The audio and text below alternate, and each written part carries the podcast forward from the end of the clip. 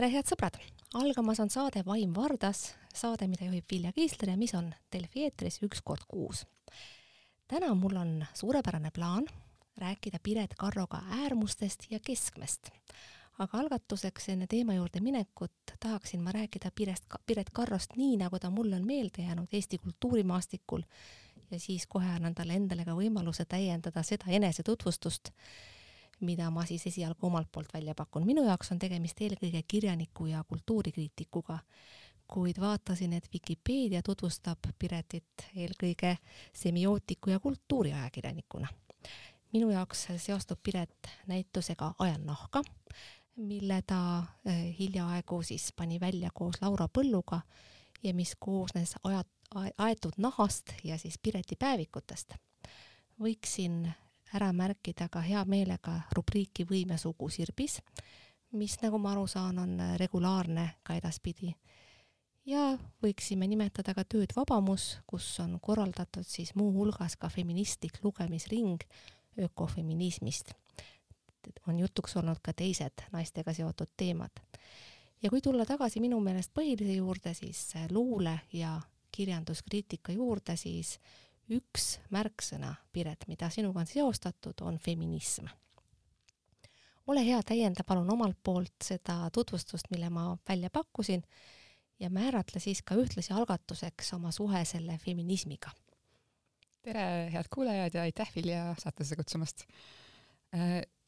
jaa, feminismiga ma olen mitut pidi seotud, ma arvan, et see selline kirjutaja positsioon, feministlik kirjutaja positsioon kujunes mul välja Müürilehe kultuuritoimetajana töötades äh, mõned aastad tagasi, äh, kus ma kuidagi avastasin, et see nurk just kõnetab mind kõige rohkem. ja samamoodi nüüd mul on käes magistrikraad soouuringutes Budapestist, Kesk-Euroopa Ülikoolist, mis äh, ka, kus õpetatakse palju feminismi ajalugu ja mõttesuundade mitmekesisust. muide, see soouuringute õpingud Budapestis olid õieti kummalised, sest sellel hetkel, kui sa sinna kohale jõudsid, oli ju äh, Viktor Orban selle konkreetse õppesuuna kinni pannud, kui sa tahtsid õppima asuda. kes tahab selle kohta täpsemalt lugeda, võiks vaadata kahe tuhande üheksateistkümnenda aasta märtsi Vikerkaart, kus sa sellest kogemusest oled kirjutanud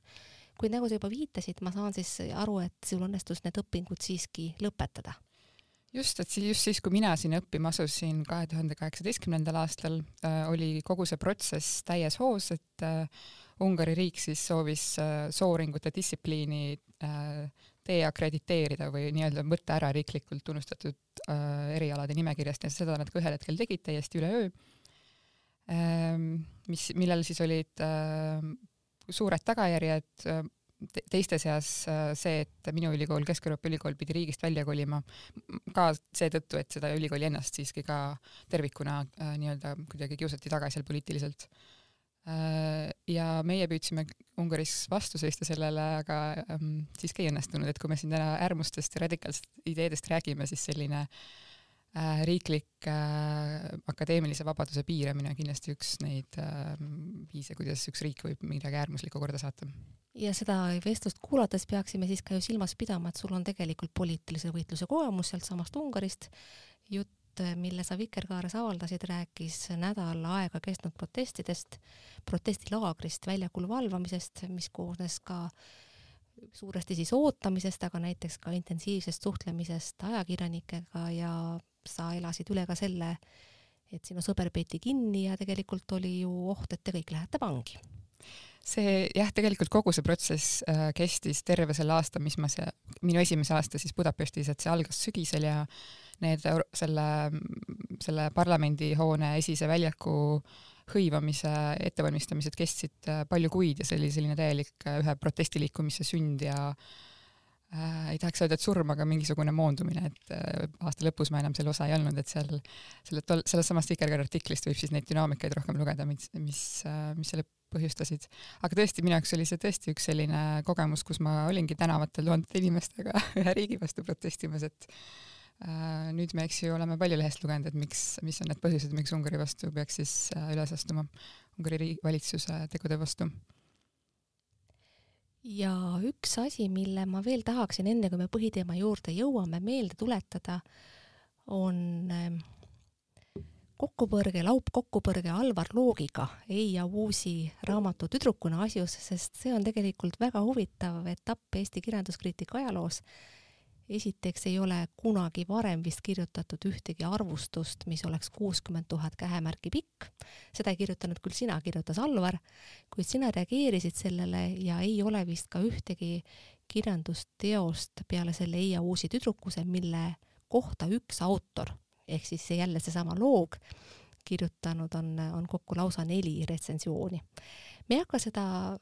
kaasust võib-olla viimsete finessideni meelde tuletama, aga mulle on väga teravalt meelde jäänud sinu seisukoht, mille sa siis välja, mida sa väljendasid vastates Alvar Loogile, kes oli arutlenud siis selle üle, kas meeskriitik üldse tohib naisautori teostest kirjutada ja sa vastasid, tohib, aga. Järgneb küsimus, või üksnes siis, kui tal on kõrval keegi naissoost järelevaataja, vastaksin, ei tee paha. igal juhul tasub kirjutada, kirjutava inimesena endale leida usaldusväärne juhutoimetajate ring,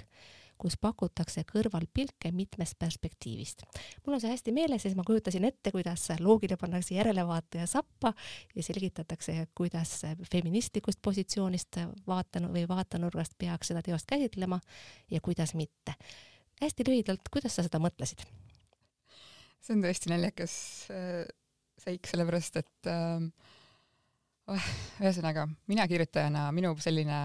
praktika, mis mind toetab ja aitab ja aitab nii minu enda ideid paremini sõnastada kui ka kuidagi oma seisukohtades võib-olla selgem ja julgem olla, kui ka lihtsalt äh, sellise kogukonna liikme või nagu kultuuriajakirjanike mingi kogukonna liikmena äh, Äh, teiste inimestega mõtteid vahetada ja see on selline lõbus tegevus, on siis see, et ma kirjutan mingi artikli valmis ja siis ma saadan selle ühele-kahele-kolmele inimesele, et kuulge, lugege läbi, mis te arvate, tehke mulle niisugune kerge reality check, et kas ma olen veel jalgadega selles kriitikas nagu maa peal või ma olen tõesti kuhugi ära hõljunud ja peaksin oma se seisukohad üle vaatama, et see, nii nagu Alvar seda tõlgendas, oli selline mingisugune järelvaatajate grupp või äh, Äh, tsensuuripastakas, aga see polnud kindlasti see, mida ma silmas pidasin, ma just mõtlesin, ma ei mõelnudki, ma ei mõelnud järelvaatajaid, ma mõtlesin sõpru. selliseid, kes ka kirjutavad, kes teavad, kuidas äh, argumentide ülesehitamine käib ja kes sulle oskavad siis sellist tsunfti äh, tuge pakkuda arusaadav. see oli tähelepanuväärne juhtum ja, ja iseenesest, keda huvitab, leiab need lood kõik äh, Alvar Loogi neli lugu ja ka sinu vastuse temale kergesti üles, kui ta otsida tahab. ja loomulikult ei ole ka Eia uusi teose leidmine üleüldse keeruline. aga see kõik oli sissejuhatus, nüüd me läheme lõpuks põhiteema juurde. ja ma mär-, algatuseks määratleksin seda umbes nõnda, et me räägime täna äärmustest ja keskmest, pidades silmas siis seda, et äärmuslikkuse sildiga sildistatakse tihtilugu nähtusi või kõnelejaid, kes või mis tegelikult üldse äärmuslikud ei ole ja samas paigutatakse keskmesse, tsentrisse nähtusi ja kõnelejaid, kes äh, iseenesest pigem siiski on äärmuslikud. ja kui hakata järele mõtlema, siis kõige teravamalt minule torkab see silma poliitilisel skaalal, kus niinimetatud paremkonservatiivne nurk on tugevasti ülerahvastatud juba mitmete aastate jooksul, seevastu vasakpoolne ja ja nii-öelda liberaalne serv siis on pigem vähe kaetud või vasakpoolne lausa katmata. kuid mõlemad pooled ja siis selle ükskõik kumba pidi, kummal skaalal vaadates süüdistavad teineteist äärmuslikkuses tihtilugu. ja, ja selline sildistamine minu meelest ei ole kadunud ka valitsuse vahetusega. millest võiks see tuleneda, et et selline äärmuslikkuse sildi otsaette kleepimine on nii levinud ja kuidas on see juhtunud, et äärmus ja tsenter omavahel on kuidagi hakanud segi minema, see võiks olla siis see, millest me täna räägime mm. -hmm noh, see äärmuse silt mulle on silma jäänud kõige rohkem pigem just äh, autoritelt või häältelt, kes ise võib-olla pigem rahvuskonservatiivsed ja parempoolsed ning äh, äärmuste all siis peetakse, mainitakse ära vasakäärmuslasi või siis äh, näiteks radikaalfeministe või äärmusfeministe või midagi sellist. Ähm, kummaline seejuures on see, et, et need grupid või inimesed või seisukohad, mida siis sildistatakse nende mõistetega, ei ole vastavuses äh, tegeliku definitsiooniga kummastki asjast, ei radikaalsest feminismist ega äärmusvasakpoolsusest. aga kust siis seda tegelikku definitsiooni otsida või kelle definitsiooni pidada aktuaalseks, kehtivaks? näiteks äh, kapo aastaraamat, mida ma täna hommikul natuke lugesin, on, ütleb, et äärmuse selline teoreetilisem äh, tähendus on äh, mingi grupi, see, kui mingi grupi identiteet tugineb mingi teise grupi vastu vaenu või, või vägivalla õhutamisel. ühesõnaga, et äärmusrühmitus on siis rühmitus, kes ütleb, et meie oleme kõik need tüübid, kes on nende teiste tüüpide vastu et äh, keskmes on siis äh, va see vastandumine, gruppidevaheline vastandumine ja vaenu õhutamine. selle definitsiooni kohaselt ei ole ükski, ei ole kindlasti feministeerium ega ükski mingisugune teistsugune autor, kellest siis äh, või siis näiteks need Kumu kuraatorid, kes viimasel ajal on saanud äärmusvasakpoolsete tiitli osaliseks,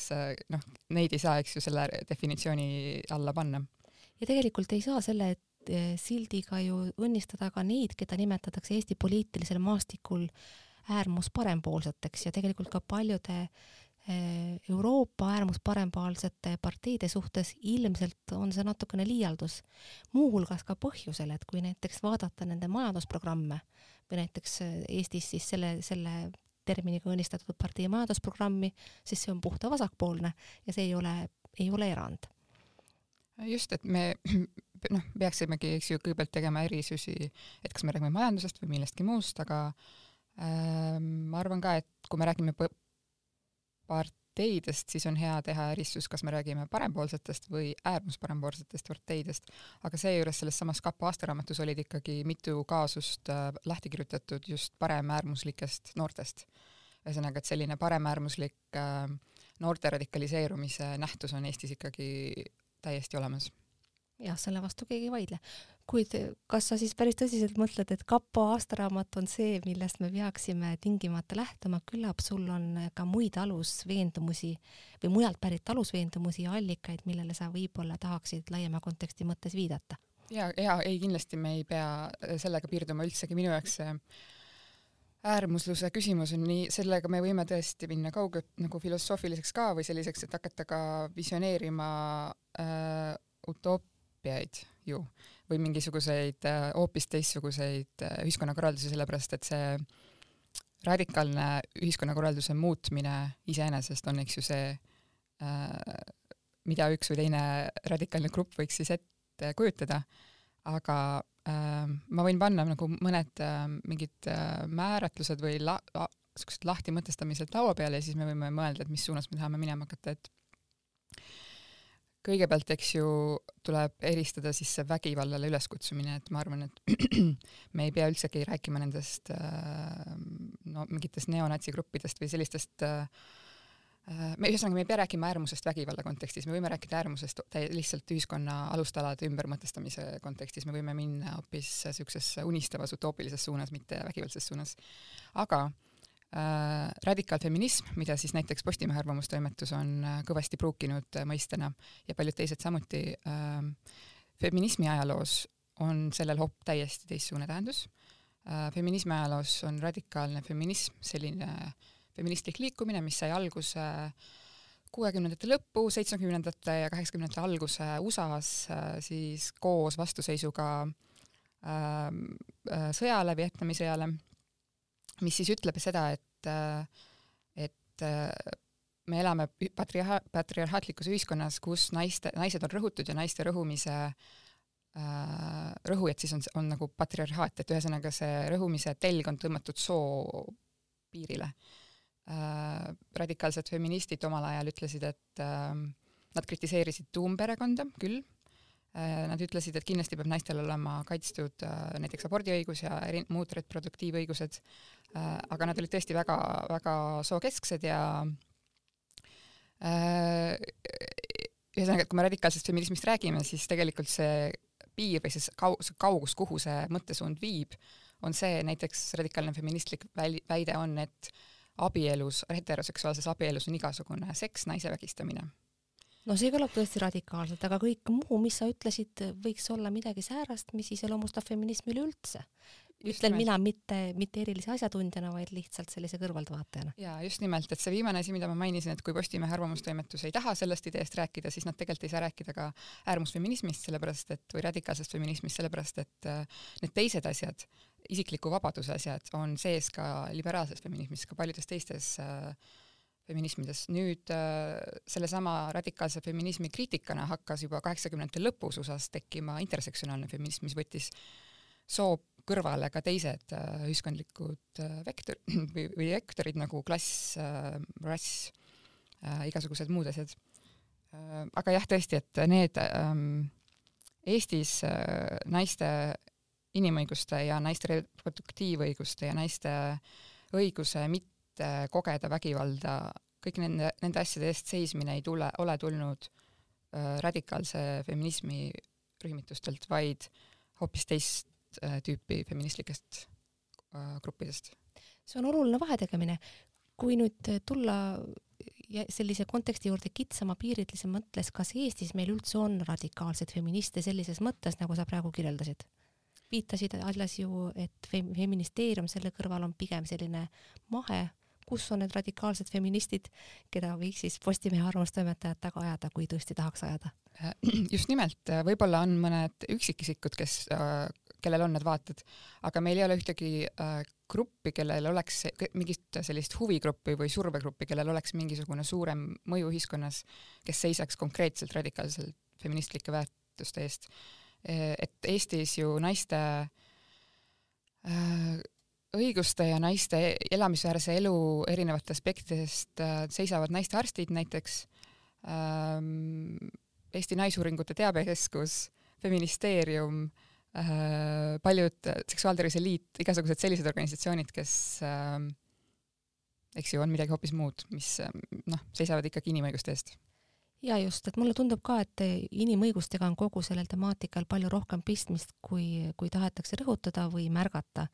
eriti siis nendes kontekstides, kus läheb, läheb sildistamiseks. aga kas näiteks seesama Facebooki grupp, kus Alvar Loog tappa sai verbaalselt, Virginia Woolf sind ei karda, kas seda võiks kuidagi äärmusfeministlikuna kirjeldada või, või kas seal ma pean tunnistama, et ma ei käi seal eriti tihti, sellepärast ma ei tea ja võib-olla ei tea ka kuulaja, et kas seal on need inimesed, need äärmusfeministid, keda võiks siis seal kohata? Äh, no vot jah, äh, kindlasti ei või seda femini-, seda Virginia Woolfi gruppi ühe või teise feminismi liikumise esindajaks nimetada, ma arvan, sellepärast et seal on tuhandeid liikmeid, kellest igalühel on äh, natuke erinevad vaated, pigem on see selline äh, aruteluplatvorm äh, äh, nagu Airi Trisberg kirjutanud on, on see sellise minimaalse ühisosa väljasõnastamise koht. et seal võib, seal on ähm, tihtipeale seal on tulised vaidlused selliste teemade üle, nagu näiteks pornograafia või seksitöö, kus äh, on inimesed täiesti eranditult vastupidistel arvamustel, aga radikaalne feminism justkui ütleks ühe, mingisuguse ühe konkreetse arvamuse nende asjade kohta. et ühesõnaga ähm,, Wolfi grupp äh, on pigem mitmepealine foorum, kus suuresti on esindatud äh, tegelikult isegi sellised liberaalsed küsimused või mingid naiste esindatuse küsimused meedias ja valitsuses ja nii edasi äh,. see äärmus, äärmusfeministlik silt äh, pigem ma näen seda äh, kasutatavat just sellise strateegilise tööriistana, et ühte või teist häält alla suruda ja trivialiseerida, et äh, nemad seal seisavad ühe või teise õiguse eest äh,, äh, teeme kuidagi nii, et nad kõlaksid naeruväärsena, ütleme nende kohta äärmusfeministid. muide, üks tänane uudis, mis küll äh, vist pressiteatest väga palju kaugemale ei jõudnud või kui jõudis, siis mõnes äh, väheloetavas kohas, rääkis sotsiaaldemokraatide ettepanekust alandada hügieenivahendite, naiste hügieenivahendite käibemaksu. ja mul jäi silma, et äh, uued uudised olid seda massiivselt äh, naeruväärust, vääristanud ja siis öelnud ka, et sotsiaaldemokraadid on seal leidnud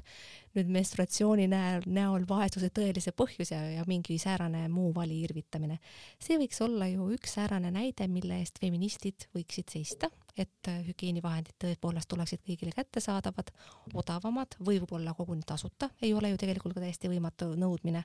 Eestis pole esitatud, aga mujal küll. ja see on siis ka võib-olla säärane näide, mida ennast rahvuskonservatiivideks pidavad inimesed äh, ilmsesti naeruvääristavad. ütlevad, et see on kohutavalt äärmuslik just nimelt, see on selles mõttes hea näide, et see on nii kurioosne, et äh, mis on selles ettepanekus naeruväärset, et mingisugused äh, esmatarbekaubad võiksid neid vajavatele inimestele olla kättesaadavad. et selles mõttes jah, nagu kuidagi valgustab läbi selle mehhanismi, kuidas mingisuguseid asju äärmusfeminism, feministlikuks tõlgend- te,, tembeldatakse mingisuguse strateegilise eesmärgi saavutamise nimel, et see menstratsioonitarvete äh, teema ise on ka hea näide selle kohta, kuidas feministide jaoks on erinevad äh, need vektorid jälle olulised, et äh, ka vaesus on feministlik küsimus. naiste vaesus, aga ka ühiskonnas üldiselt ka laste, kõikide inimeste vaesus, et ehk sisuliselt me võiksime ju tegelikult selles konkreetses teemapüstituses näha äh, näha tsentrit, mitte äärmust.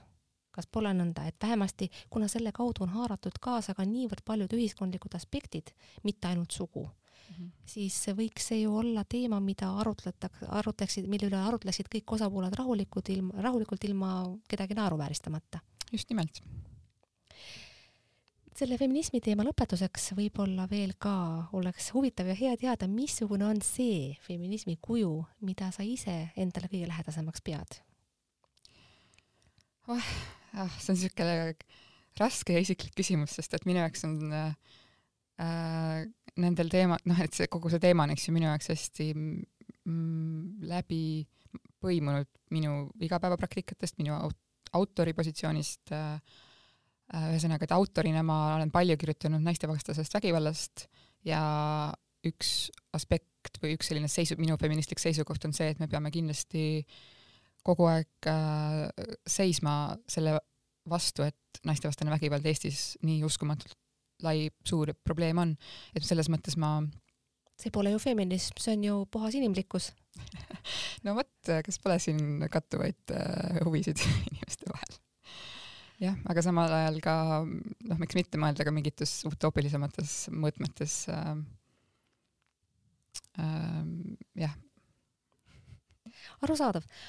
pöörame natukene korraks poliitikasse tagasi ja vot me rääkisime alguses sellest, mis, kuidas poliitiline skaala on, ühes nurgas käib suur trügimine, teises nurgas on ruumi hästi palju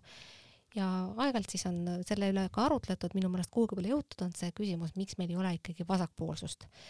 Ja see debatt kipub enamasti lõppema sinna, et see, see küsimus on ette vastatud. kuna me kuulusime Nõukogude Liitu, me ei astunud sinna vabatahtlikult, vaid okupeerimise korras ja seda kommunistlikku või sotsialistlikku ideaali, mida siis kõige sellega koos jutlustati, peeti justkui vasakpoolseks. on ju tegelikult tagantjärele üsna küsitav, kas ta seda päriselt oli, aga mulle tundub, et see vastus, mida juba siis ette kiputakse andma, on liiga lihtne ja ma usun, et sul on ehk mõni parem vastus. Jah, eks ju, see on äh tähendab, ma ei saa öelda, et minu vastus parem on, aga et see on minu meelest, minu jaoks on see hästi huvitav teema ja hästi keeruline, et kui siin tuhande üheksasaja kahekümnendatel oli Eestis väga palju äh, vasakpoolseid parteisid, kes ka ennast tolles kontekstis ka kasvõi äärmusvasakpoolsena no, määratlesid, siis kuhu nad kõik nüüd kadunud on ähm,. näiteks oma magistritöös uurisin ma seda, et miks äh, äh, antikommunismi Eestis, et sellist tänapäevast äh, äh, vasakpoolsuse selliseks kolliks kujut-, kujutamist või kujundamist, et äh, justkui, kui äh, miski justkui ühiskonnas nagu halvasti oleks või mingisugustele inimestele ei meeldi, siis see äh, põhjus on see, et see asi on nagu Nõukogude Liit või see asi on mingisugune neomarksism või ühte ja teist, et ähm, ma olen äh, nagu akadeemiliselt uurinud seda, et kuidas äh, taasiseseisvunud Eestis ähm, Äh, on ähm, meie see üheksakümne, noh, ühesõnaga see, mis üheksakümnendatel, eks ju, toimuma hakkas, oli selline hästi kiire äh, kapitismi ülevõtmine, hästi, ja samal ajal äh, hästi kiire rahvusriigi ehitamine äh,. et hästi kiiresti kuidagi põimusid omavahel kapitalismi, kapitalistlik majanduskord ja Eesti rahvusriik äh,. Need on justkui võrdsena võrdsed mõisted ja kui sa oled äh, vasakpoolne, siis sa kus, kui, kui, justkui kirjutaksid alla sellele nõukogudelikule riigikorrale ja ähm, oleksid nagu riigi vaenlane ähm,. praeguseks on see kuidagi jõudnud mingisse sellisesse punkti, kus äh, meil õnneks on veel tasuta kõrgharidus ja tasuta äh, või noh, enam-vähem ligipääsetav äh, haigekassa äh,, mis on siis äh,, aga äh, me oleme ikkagi teinud teiste, koos teiste Balti riikidega läbi hästi-hästi karmi neoliberaliseerumise, mis Ida-Euroopa või teiste postsovjeti riikide kontekstis on isegi üks kõige karmimaid olnud. ja nüüdseks me oleme siis jõudnud sellesse kohta, kus äh, vasakpoolsus on selline tont, kellega hirmutatakse, mis on siis nagu, nagu see neomarksismi mõiste näiteks, on samasugune tont nagu äärmusvasakpoolsuse mõiste või äärmusfeminismi mõiste, mis, mille sisu äh, ei ole vastavuses sellega, mida see, kuidas seda kasutatakse, et olen siin lugenud artikleid, kuidas sooneutraalsed lasteaiad on üks samm Nõukogude Liiduni või kasvõi äh, äh, siinsamas majas üks autor on kirjutanud, et äh, jalgrattasõit on üks samm Nõukogude Liiduni, ma ei tea, kas, ma ei saanud aru, kas ta oli irooniline või, või ta mõtles seda tõsiselt. aga igal juhul igasugused asjad viivad kohe, järgmine samm on siis see totalitaristlik ühiskond, äh, mis siis nagu katkestab või mis takistab meil tegemast meie majanduslikule ja ühiskondlikule korrale tõsiseltvõetavat vasakpoolset kriitikat. igasugust ühiskonnakorda, igasugust majanduskorda, eks ju, see peaks olema avatud kriitikale demokraatias, me peaksime olema võimelised äh, meil peaks olema võimalus seda kritiseerida, ükskõik mis, milline see on, kui me tahame öelda, et me elame vabas riigis. Äh, aga praegu Eestis, kui sa hakkad rääkima äh, astmelisest äh, maksusüsteemist, siis sa oled justkui kommunist või siis sa oled justkui riigireetur, et kuidagi see samm on tehtud hästi lühikeseks nende kahe asja vahel, mis äh, halvab lihtsalt sellist vasakpoolset äh, kriitika tekkimist, vasakpoolset äh, organiseerimist ka mingil määral kuulan sind ja mõtlen, et äh, võib ju mõelda, et see on tegelikult seitseteist aastat kestnud reformierakondliku valitsemise tulemus, vähemasti osaliselt. Mhm. et siis oli võimalus neid äh, liberaalseid mantraid korrata nii pikka aega, et neid hakkasid uskuma, uskuma isegi need, kes neid tegelikult võib-olla uskuma ei oleks pidanud või, või kes äh, nende üle järele ei mõelnud. muide, üks teema, mis mulle selles kontekstis eriti kriitiline tundub, on palgalõhe et see on midagi säärast, et kui sellest hakata rääkima, siis oled sa kohe äärmusfeminist, äärmusvasakpoolne või vähemasti peast sots, kui mitte lausa kommunist. samas on tegemist äh, ju teemaga, mis iseenesest vajaks lahendamist ja vajaks äh, tõesti noh, meetmeid, vajaks muudatusi, sest kaua me siis oleme Euroopas kõige suurema palgalõhega riik, aga niipea kui sellest rääkima hakatakse, tulevad kohe naerust, naeruvääristamised ja ausalt öeldes ei ole ka ükski partei seda võtnud oma südameasjaks. Et kuida-, kuidas, kuidas peaks siis seda probleemi lahendama Eesti ühiskonnas, kus äh, ollakse ühe tegelikult lahendamist vajava probleemi suhtes nii tundlik, et paneks lausa silmad kinni ja kohe üldse ei mõtleks? just nimelt nende, eks ju, nende meetmete rakendamisel, äh, et see on ka samuti täpselt nagu sa ütlesid, see on üks koht, kus kohe hüpatakse sellesse äh, Nõukogude Liidu võrdlusesse, et kui, et kui me räägime või siis, kui me räägime näiteks sookvootidest või midagi, et siis see on nagu selline riigisotsialism kohe ja tõepoolest palgalõhe on üks selline väga reaalne probleem, mis on, mis on äh, strukturaalne probleem, mis on ühiskondlik probleem, mille lahendamiseks on vaja teha ühiskondlikke äh, otsuseid, mis, mitte ainult öelda üksikindiviididele, et küsige lihtsalt rohkem palka, sest et see lihtsalt ei ole nii lihtne ähm,. aga tõesti, et, et ka selle eelmise Reformierakonna repliigiga ära sidudes, et äh, nüüdseks on siis äh, ühesõnaga, et miks see vasakpoolsuse probleem on nii keeruline Eestis, on tõesti, on see, et ühest küljest loomulikult kogu see Nõukogude trauma, mis inimestel on siin ühiskonnas, sealhulgas ka põlvkondadevaheline trauma ja selline ülekantud trauma on väga õudne, seda on vaja võtta tõsiselt, seda ei saa kuidagi vaiba alla pühkida või eemale pühkida, sest me ei saa represseeritud äh, mälestusi kuidagi äh, mitte, mitte seda austada aga teisest küljest seesamune äh, Reformierakonna võim või selline neoliberalistlik võim äh, on läinud kaugemale selle trauma äh, tõsiseltvõtmisest ja hakanud äh, ähm, nagu tõmbama siis võrdusmärki selle vahel, et kui meil on vaba demokraatlik Eesti rahvusriik, siis see peab olema äh, selline liberaalne parempoolne riik äh,. et vasakpoolsus on siis äh, äh, nagu nii-öelda pandud ühte patta selle asjaga, mis tekitas seda traumat, kuigi mingisugused majanduslikud ettepanekud või majandussüsteemi äh, ülesehitamine ei ole kaugeltki seesama, mis äh, küüditamine või, või mingid õudsed asjad, mis stalinismi ajal toimusid, et see ei, siin on tegelikult nii mitu sammu vahel, nii mitu rohkem sammu vahel kui see, kuidas need parempoolsed hääled seda paista lasevad. et me ei saa ju, noh, et Teine maailmasõda oli ju õud, nagu miljonid inimesed said surma, see oli uskumatult õudne sõjaline konflikt, see ei ole sama asi, mis rääkida sellest, et palgalõhe kahandamiseks tuleb äh, maksud avalikustada ja teha mingisugused äh, sektorite vahelised kokkulepped äh, nende palga äh, vahemike fikseerimiseks või midagi sellist. maksud iseenesest on ka hea näide sellise teema kohta, mis võiks asuta, asuda keset põrandat nii-öelda ja ei peaks olema kuidagi ideoli-, idealiseeritud, ideologiseeritud moel või teisel. Kuid võib-olla tahaksid sa ise tuua mõne näite veel siia lisaks juba, juba viidatule, mis, mis võiks olla midagi säärast, mida meelsasti temmeldatakse äärmuslikuks, et teda siis nii-öelda laua pealt maha lükata ja tegelikult, mida me võiksime võtta täiesti neutraalse teemana, mille üle arutleda, jättes kõik need äärmuslikkuse sildid kõrvale. Äh, no